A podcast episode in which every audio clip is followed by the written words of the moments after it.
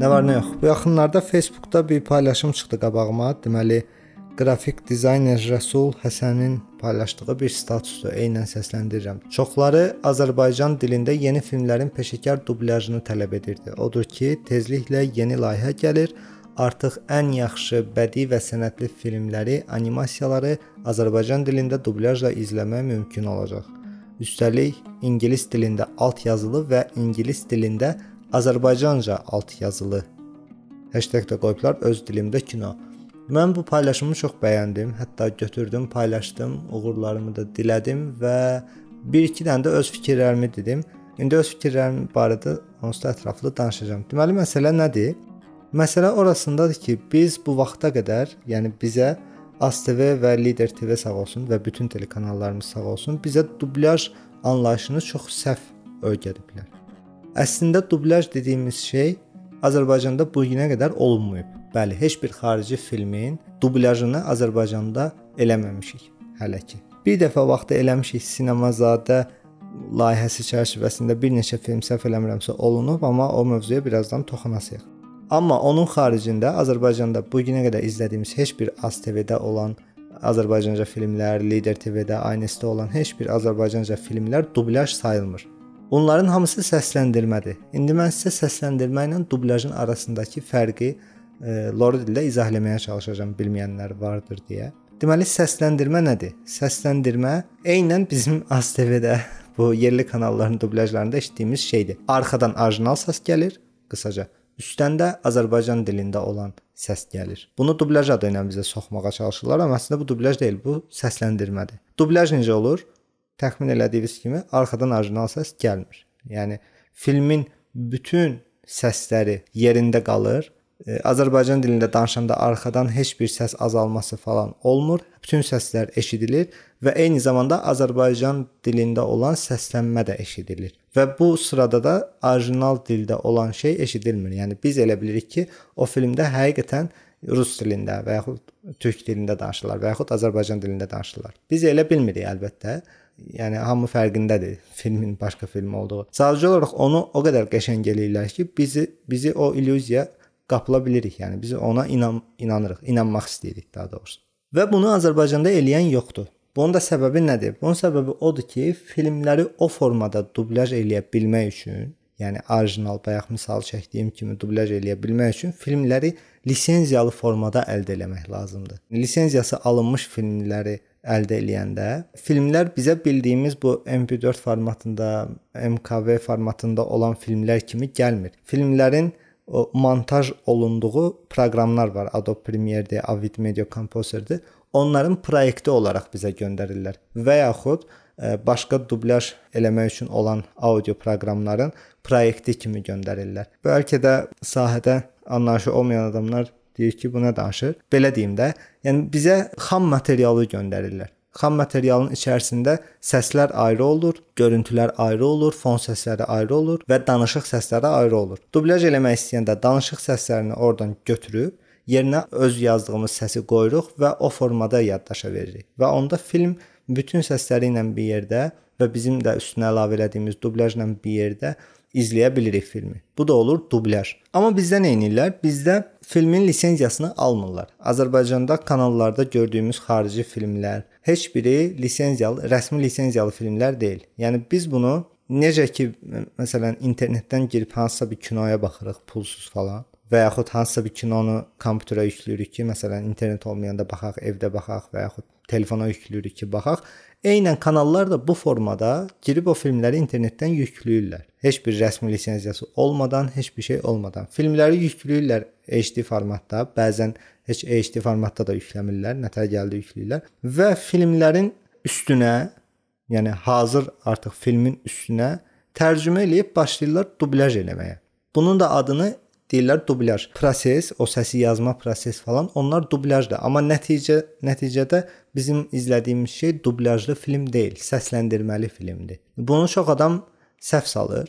Onun da səbəbi dediyim kimi elə bu kanallardır. Yəni kanallar bunu bizə səhv izah eləyiblər. Mən bu paylaşımı görəndən sonra bir neçə dənə sual gəldi ağlıma. Çünki burada bir çox filmin posterini paylaşıblar. Öncə düşündüm ki, yəni bu filmlər əgər lisenziyalı alınıb dublyaj olunacaqsa nə qəşəng. Yəni Azərbaycanın buna çox ehtiyacı var. Bunu dəfələrlə film icmallarında, təhlillərində, analizlərində dəfələrlə demişəm ki, yəni Azərbaycanın film dublyajına, yəni Azərbaycan dilində dublyaja çox ehtiyacımız var. İlk olaraq onu düşündüm ki, yəni görürsən bu filmlərin lisenziyası alınıbmı, alınmayıb? Nə formada olacaq? O mənə çox maraqlı oldu. O paylaşanda yazdığım şeyi kommentə də yazmışdım, amma heç bir cavab gəlmədi. Bilmirəm indi yəqin ki, gələcəkdə açıqlama verərlər bu ilə bağlı ki, versələr çox yaxşı olar. Düşündüm ki, əgər lisenziyalı deyilsə, çox yüksək keyfiyyət vəd eləyirlərsə, düşündüm ki, ya götürüb e, bu filmləri lisenziyasız yükləyib üstünə bayaq misal çəkdiyim kimi bir şeylər eləyəcəklər. Yəni ki, üstünə səsləndirmə eləyəcəklər və e, altdan orijinal səslər eşidiləcək. Sadəcə yazdıqları səsin keyfiyyətini yüksəldəcəklər. Ya da ki, başqa bir proqram proqramlar vasitəsilə oradan danışıqları silməyə çalışacaqlar. Necə ki, bəzi mahnılardan e, mahnının minusunu çıxardırlar. Daha doğrusu sözlərini çıxardırlar, sadəcə minusu qalır. Filmini də o formada eləyən proqramlar var ki, səsi oradan götürürlər. Ya da ki, o formada eləyəcəklər. Orijinal səsi götürüb yerinə üst səsini yazacaqlar. Hər iki ehtimalda yüksək keyfiyyət olmayacaq. Çünki biz səsləri nə qədər də yaxşı işləsək, nə qədər də mix master eləsək, keyfiyyət anlayışımız fərqli bir şeydir. Yəni keyfiyyət dediyimiz şey səsi təmiz eşitmək və yaxud hər şeyi orijinal eşitmək deyil. Keyfiyyət həqiqətən o səsin olmamağıdır. Biz oradan səsi hansısa bir səsi çıxartsaq, orijinal səsi çıxartsaq, eyni tezlikdə olan başqa səslər də zərər görəcək, musiqilər də zərər görəcək və s. və s. Amma amma əgər lisenziyalı versiyası olacaqsa filmlərin, yəni lisenziyalı filmlərin üstünə lisenziyalı dublyajlar olunacaqsa, bu Azərbaycanda atılmış olacaq çox önəmli addımlardan biridir. Bunu o vaxtı Sinemazadədə eləmişdilər. 2017 olardı ya da 18 səhv eləmirəmsə, bir neçə dənə filmi həqiqətən Azərbaycan dilində çox mükəmməl dublyaj eləmişdilər. Onların bəzilərinin treylerləri hətta durur YouTube-da. Sinemazadə yazanda çıxır kanallarında. Amma sonra onlar da niyəsə başını buraxdılar. Onlar da eləmədilər. Bilmirəm, ya maliyyə baxımdan problem oldu ki, böyük ehtimal elədi, ya da ki, başqa məsələlər oldu. Axırsı, yəni eləyə bilmədilər. Niyə bilmirəm. Amma dediyim kimi, yəni buna çox çox çox ehtiyac var. Ümumiyyətlə bu müharibədən sonra, bu Ukrayna ilə Rusiya arasında olan müharibədən sonra bir çox yerdə mən bu barədə etirazlar eşitdim ki, Azərbaycan Azərbaycanda kinoteatrlarda niyə görə filmi rusca dublyajda verirlər və yaxud niyə yerli dublyajımız yoxdur deyə bəzi şikayətlər gördüm. Məsələ burasındadır ki, birincisi bizdə filmi bayaq da dedim, orijinal lisenziyalı dublyaj eləyən yoxdur. Ona görə öz dilimizdə dublyaj eləyib ora vermək alınmır. İkincisi lap tutaq ki, alınır. Bu ekstra maliyyət deməkdir. Yəni biz əgər filmi dublyaj elətdirəsiksə Azərbaycanda, hansısa kinoteatr buna boyun olacaqsa, bu əlavə pul demək. Əlavə pul xərcləmək deməkdir və əlavə pul xərcləməyi bizdə çox təəssüf ki, heç kim istəmir. Çünki bəzi işlərin başında duran adamların o işə qətiyyən aidiyyəti olmur. Niyəsə. Məsəl üçün kinoteatr işlədirəm. Mən məsəl üçün kinoteatr işlədirəm. Amma mənim kino ilə heç bir əlaqəm yoxdur. Kimsə gəlib mənə deyir ki, bəs müəllim, bəs bu filmi bəlkə öz dilimizdə verək, daha yaxşı olar. Mənim dediyim şey bilirsiniz nədir? Neçəyə başa gəlir?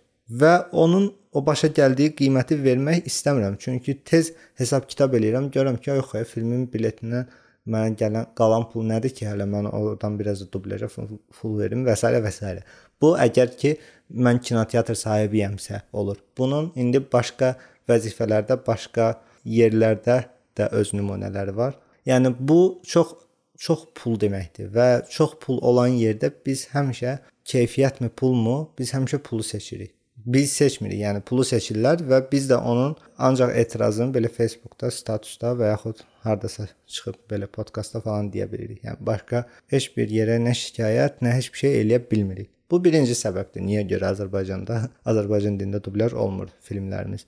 İkinci səbəb odur ki, ümumiyyətlə ruscamı, türkcəmi və yaxud alt yazılımı məsələsi çox absurd, çox dəxlisiz bir məsələdir. Kim hansı dildə izləmək istəyirsə filmi, o dildə də izləyir. Elə adam var ki, rus dilində dublyaj ona xoş deyil. Rusca səslənmə ona xoş deyil. Gedir türkcə izləyir və yaxud rus dilini bilmir, türkcə izləyir. Elə adam var ki, türk dili ona xoş deyil, gedir rusca izləyir. Elə adam var ki, başqa dildə izləmək istəmir, sadəcə orijinal dildə izləmək istəyir, amma subtitrlə izləmək istəyir. Bunu başa düşmək lazım ki, bu zövq məsələsidir. Hə, kinoteatrlarımız niyə görə belə eləyir? Çünki film onlara o formada gəlir. Bu çox bariz məsələdir. Filmi rusca dublyaj olunmuş versiyasını alırlar. Türkcə dublyaj olunmuş versiyasını alırlar. Çünki Azərbaycanda bütün filmləri əgər altyazı ilə verəsi olsaq, altyazı ilə izləməyi sevməyən adamlar artıq kinoteatra avtomatik olaraq getməyəcək. Və bizdə də Azərbaycanda çoxdandan Sovet dövründən bu tərəfə rus dilinə meyllilik çoxdur. Çox olduğuna görə də rus dilində danışan adamlar, rus dilini bilən adamlar çoxluq təşkil edir. İngilis dilindən daha çox. Ona görə də bizdə rus dilində filmi izləmək istəyənlər də çoxdur. Və bu bir bazardır və bu bir tələbatdır. Kinoteatrlarda görürük ki, buna daha çox tələbat var, ona görə də eləyir. Yəni bizim şikayət elədiyimiz şey əslində bizim özümüzün istəkləridir. Kinoteatrın bizə dayatdığı bir şey deyil. Kinoteatr sabah görsə ki, hamı Azərbaycan dilində dublyaj tələb eləyir və rus dilində olan dublyajlara heç kim getmir, kinoteatrlar məcbur olacaq o filmi Azərbaycan dilində dublyaj elətdirməyə. Yəni biz nətər ki, şikayət eləyirik bu dəxilsiz komediyaların niyə görə çox çəkilir, niyə görə yaxşı filmlər çəkilmir, şikayət eləyirik. Onların hamısının səbəbi odur ki, biz özümüz o şeyləri istəyirik. Yəni biz əgər gedib o filmlərə pul verməsək, o filmlərə baxmasaq, onlar da oradan heç bir qazanc əldə eləməsələr, heç kim o filmi çəkməyəcək. Bu da eyni belə bir şeydir. Kinoteatrlar gecə yatıb yuxuda görmür ki, hə sabah rusca verək, birisi gün ingiliscə verək. Eləmir. Statistika var, əllərində hesab var, kitab var. Nəyə daha çox baxılır, nəyə tələbat daha çoxdur o yöndə hərəkət eləməyə başlayırlar. Onlardan asılı olan heç bir şey yoxdur. Bu gün o şikayət edən hər hansı biri sabah gedib həmin o kinoteatrın başında dursa, iki hesab kitab eləyəcək, statistikaya baxacaq, görəcək ki, hə bu filmlərə bu dildə gəlib baxanların sayı daha çoxdur. Ona görə rusca vermək daha çox məntiqlidir ya da türkcə vermək daha məntiqlidir. Amma yenə də deyirəm, Bizdə də bu belə bir seçənəyi heç kim bizə verməyib ki, a, bax rusca da var, amma Azərbaycanca da baxa bilərsən. Bizə heç kim bu seçənəyi vermir deyə də biz Azərbaycan dilini seç seçmək üçün bir məcramız yoxdur. Azərbaycan dilini tələb etmək üçün bir məcramız yoxdur. Biz sadəcə tələb eləyə bilərik, hə, ki, filmlərimiz belə olsun, Azərbaycan dilində olsun. Amma eləyə bildiyimiz şey sadəcə tələb eləməkdir deyə buna çox vaxt nail ola bilmirik istəklərimizi gerçəkləşdirmək üçün. Bu da çox ciddi problemlərdən biridir, çünki inkişaf eləmiş ölkələrin əksəriyyətində bir çoxunda belə deyək, öz dillərində rəsmi lisenziyalı dublyajlar artıq olunur. Neçə illərdir. Türklər məsəl üçün bu işlə çoxdan məşğuldular. Hardasa 90-ların sonunda, 2000-lərin falan əvvəlindən artıq türklər rəsmi lisenziyalı dublyajlara başlamışdılar. Və artıq onların son dövrdə türk dilində olan dublyajlı filmlərə baxanda artıq hiss eləyirsən ki, bəli, bu 20 ilin nəticəsində artıq çox-çox inkişaf eləyiblər. Ruslar bu işlə daha əvvəlcədən məşğuldur. Ona görə rus dublyajının texniki olaraq rus dublyajının keyfiyyəti türk dublyajından qat-qat üstündür. Amma bəzi türk dublyajlı filmlər də var ki, artıq bir çox rus dublyajları ilə yarışa bilər, hətta keçə də bilər. Misal üçün Deadpool filminin türk dilində dublyajı rus dilində dublyajından qat-qat daha yaxşıdır keyfiyyət cəhətdən. Həm seçilmiş aktyorlar çox professional aktyorlardır, həm də ki, sadəcə aktyorla da bitmir bəzi şeylər. Yəni mətnin düzgün tərcümə olunması, orada istifadə olunan ifadələrin öz dilimizə inteqrasiyası, zarafatların öz dilimizdə mənasını qaçmadan ifadə eləyə bilmək falan bəzi məsələlər var ki, hansı ki, türklər bəzi filmlərdə da hamısında yox, ruslardan qat-qat daha yaxşıdır. Amma əksəriyyətdə rusların elədikləri dublyaj səviyyəsi texniki olaraq deyirəm. Bu dəqiqə demək olar ki, nömrə 1-dir. Yəni xarici dilli kontentlərdə. Amma yenə də deyirəm, yəni kim sevər, kim sevməz, bu artıq başqa bir məsələdir. Bir də bunu da qavramaq lazımdır ki, rus dilində nə isə bir şeyi sevmək və yaxud türk dilində nə isə bir şeyi sevmək həmən milləti də sevmək, həmən dövlətin siyasi şeylərini də sevmək anlamına gəlmir. Bu yaradıcılıq işidir və bu yaradıcılıq elə bir şeydir ki, incəsənət elə bir şeydir ki, dili olmayan bir şeydir. Və kimin ruhu nəyi necə qəbul eləyirsə, elə də izləməlidir, elə də baxmalıdır ki, baxırdı. Yəni kim nə dedisə, axırda yenə də hamı öz istədiyi öz istədiyini eləyir. Sadəcə bəzilərindən fərqli olaraq kimlərsə öz istədiklərini, istəmədiklərini deyə bilirlər, bəziləri də başqalarının fikri ilə nəsə bir şey eləməyə çalışırlar. Fərq sadəcə burdadır. Sinemazadə barədə demişdim danışacağam. Elə hazır yeri düşmüşkən deyim. Deməli, harca 2017-də falan qabağıma çıxmışdı Sinemazadə. Hansısa filmi, səhv eləmirəmsə Ted Bundy ilə bağlı olan bir filmi Azərbaycan dilində dublyaj eləmişdilər, səhv eləmirəmsə. Ya filmi eləmişdilər, ya da filmin treylerini eləmişdilər. O qədər çox, o qədər çox bəyənmişdim ki, dedim, yəni Vəsə Azərbaycanda artıq başladı. Yəni bunlar başlatsa dalı gələcək dedim. Gəlmədi. Yəni bunlar başladı. Hardasa 1 ilmi oldu? Nə qədər oldu? Onlar məşğul oldular dublyajla falan. Sonra başladılar kinozat çəkməyə. Bu Kəkliyotudur, nə bilim Qışnağıl idi, nə idi? Bütün o məşhur simaları yığıb nəsə bir şey çəkmişlər.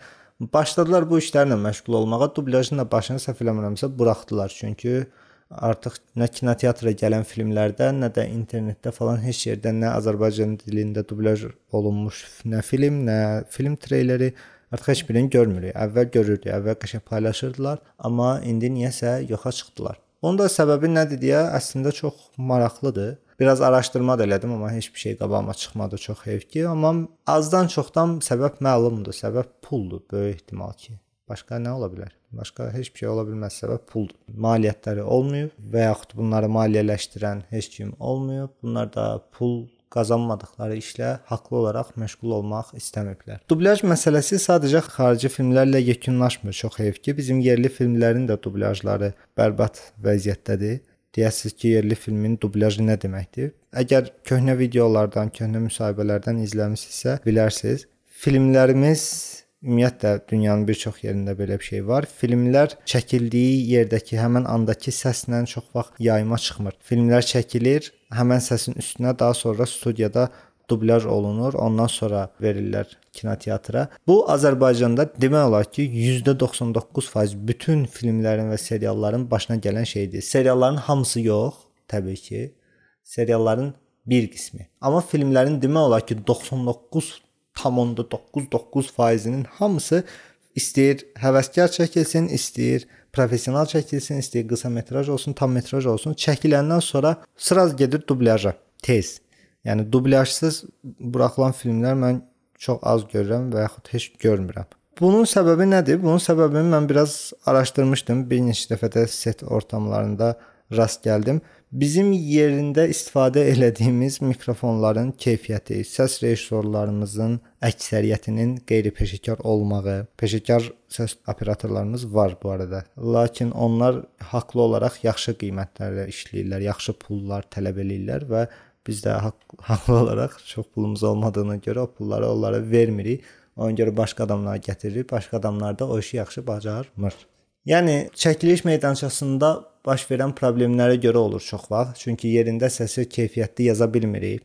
Yazdığımız səsi keyfiyyətli işləyə bilmirik. Ən asan üsul həmin səsi daha sonra gedib studiyada dublyaj eləməkdir. Amma burdakı problem nədir? Aktyorun yerində verdiyi reaksiya ilə obrazdayken verdiyi reaksiya ilə studiyada verdiyi reaksiya əksər hallarda üst-üstə düşmür. Bu aktyorun peşəkar və yaxud qeyri-peşəkar olmağı ilə asılı olan bir şey deyil. Ən azından tam olaraq ondan asılı olan bir şey deyil. Bu sadəcə olaraq həmin vəziyyətin orada yaradıla bilməməsi ilə əlaqədar bir şeydir. Məsələn, açıq havada yağış yağanda qızla oğlan bir-biri ilə romantikcə görüşür və ağlaya-ağlaya sağollaşırlar, amma orada yağış yağır. Amma studiyada heç bir şey yoxdur. Bir otaqda otururlar, bir-birindən fərqli-fərqli zamanlarda o səsləri yazırlar və nə qədər də keyfiyyətli, nə qədər də obraza girib o səsi yazmış olsalar, o səslər başqa zamanlarda, başqa vaxtlarda yazılır, sonradan montaj olunub üst-üstə qoyulur deyə o səsin oradan çıxmadığını hiss eləyirik. Və bu da özlüyündə çox böyük bir, çox ciddi bir problemdir. Çünki bunun üstündə nə qədər işləmiş olursan ol, Nə qədər peşəkar olursan ol, fərqi yoxdur. Bəzi şeyləri proqramla falan düzəltmək mümkün, çox heyfki olmur. Bizdə amma bizdə sadəcə bu da deyil problem. Bizdə bəzi filmlərdə həqiqətən görürsüz ki, səs məsələsini olduqca, amma olduqca yola verirlər. Siz Azərbaycan filmlərinə böyük ekranlarda baxanda diqqətlə baxsaz görərsiniz ki, bəzi sözlərdə səslər ə, e, ağızla sinxron getmir. Yəni danışıqlar üst-üstə düşmür. Bəzən orada aktyor başqa cür gülür, amma dublyajda təmiz başqa cür gülmək səsi yazılıb üstünə. Görsən ki, bu adam burada bu formada gülməməlidir. Yəni beynimiz bunun burada bu formada gülməməyini dərk eləyir, amma qulağımız başqa şey eşidir. Ona görə də biz inanmırıq orada baş verən şeylərə, orada baş verən hadisələrə inanmırıq. Oradakı aktyorun yerinə üzülə bilmirik və yaxud sevinə bilmirik. Bunun yaxşı nümunələrindən biri bəlkə də tam olaraq düzgün nümunə olmayacaq, amma son izlədiyim Azərbaycan işlərindən biridir. Soyuq Günəş deyə bir film var YouTube-da. Olduqca da məşhur bir film oldu son zamanlarda. Bilmirəm amma kinoteatra, böyük ekranlara veriblər yoxsa yox, amma YouTube-da var. O filmin random bir səhnəsini açın. Nə demək istədiyimi başa düşəsiniz. Orda məsələn qızla oğlan söhbət eləyir, arxada da başqa qızlarla oğlanlar bunlara baxıb gülürlər. O gülmək səslərini o qədər süni yazıblar ki, yəni o qədər sünidir ki. Yəni bildiyin belə səslər çıxır arxadan. Normal həyatda heç kim belə gülmür. Onlar da orada o formada gülməyiblər. Milyon faiz. Sadəcə olaraq bu dublyajdır deyə. Dublyajda deyiblər ki, 2 dənə də 3 dənə də gülmək səsi yazaq. 2 dənə də 3 dənə də yalandan random gülmək səsi yazıblar. Onları da üst-üstə qoyublar ki, gülmək səsi olur. Halbuki insan qulağı səsləri heç vaxt bu qədər net və bu qədər ayrıcalıqlı eşitmir. Bəzən səsin üstündə çox-çox işləyib daha keyfiyyətli eləməyə çalışırlar, amma olduqca böyük, olduqca çox keyfiyyətli şey əslində o, o qədər də yaxşı bir şey deyil, o qədər realistik bir şey deyil. Normalda insanlar səsi elə eşitmirlər və yaxud normalda insanlar elə gülmürlər və yaxud elə danışmırlar. Bu və bir çox filmlər var. İndi adlarının hamısını çəkmək istəmirəm mənasız, mənasız. Amma var yəni Azərbaycan filmlərinə baxanda mən problemi hiss edəcəksiniz. Mənə elə gəlir ki, xarici filmlərdən əvvəl birinci öz filmlərimizin, ümumiyyətlə biz avadanlıqlarımızı, səs avadanlıqlarımızı, bu işlə məşğul olan insanları, peşəkar insanlarla məşğul olmaqdır falandır. Bu belə məsələlərə biraz üstünlük verməliyik ki, yerli filmlərimizdə birinci bu məsələ həll olunsun. Ondan sonra biz oturaq xarici filmləri dublyaj eləyək. Amma bu o demək deyil ki, biz burdakı problem həll olunana qədər xarici filmlərin dublyajına başlamamalıyıq. Xeyr, bu belə deyil.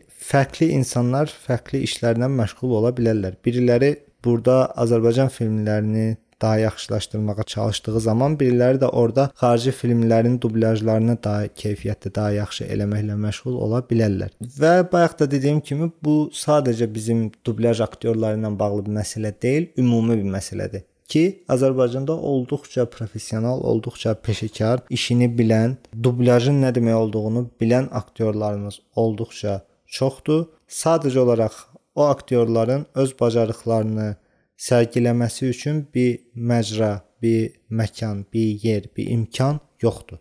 Məsələ sadəcə bundan ibarətdir. Qaydaq Rəsul Həsənin paylaşdığı status məsələsinə, daha doğrusu bu hashtag-ə qaydaq öz dilimdə kino. Əgər bu məsələ tam professional formada bu məsələ ilə məşğul olunacaqsa, tam lisenziyalı filmlərin üstünə tam lisenziyalı dublyajlar olunacaqsa, nə gözəl, nə qəşəng Ümid edirəm ki, bunun da axırı sinemazadə kimi olmaz. 2 dənə film eləyib qalmazlar. Davam eləyirlər çünki dediyim kimi ölkənin Azərbaycan filminin, Azərbaycanın ümumiyyətlə bu şeyə çox ehtiyacı var. Çünki biz kinoteatra gedəndə əgər görsək ki, orada Azərbaycan dilində də dublyaj var, başqa dillərdə də var, ən azından öz dilimizdə dublyajı seçən bəzi adamlar olacaq və 1-2 nəfər girib ora baxanda görsək ki, həqiqətən də bu dublyajlar yaxşıdır. Bizim beynimizdə, şuuraltımızda olan o ASTV dublyaj, o şablonu, o qorxusu yavaş-yavaş yoxa çıxacaq. O tabu yıxılacaq və biz də artıq Azərbaycan dublyajı nə qəşəng dublyajdır deyib fəxr eləyə bilərik. Ümid edirəm ki, çox yaxşı olar. Ümid edirəm ki, maliyyə ayrılar. Ümid edirəm ki, sponsor taparlar, pul taparlar və ümid edirəm ki, o qədər çox pulları olar ki, pul artıq onlar üçün bir məsələ olmaz. Onlar üçün olan tək məsələ yaradıcılıq olar və inkişaf olar. Özünə yaxşı vaxt gələn dəfə danışarıq.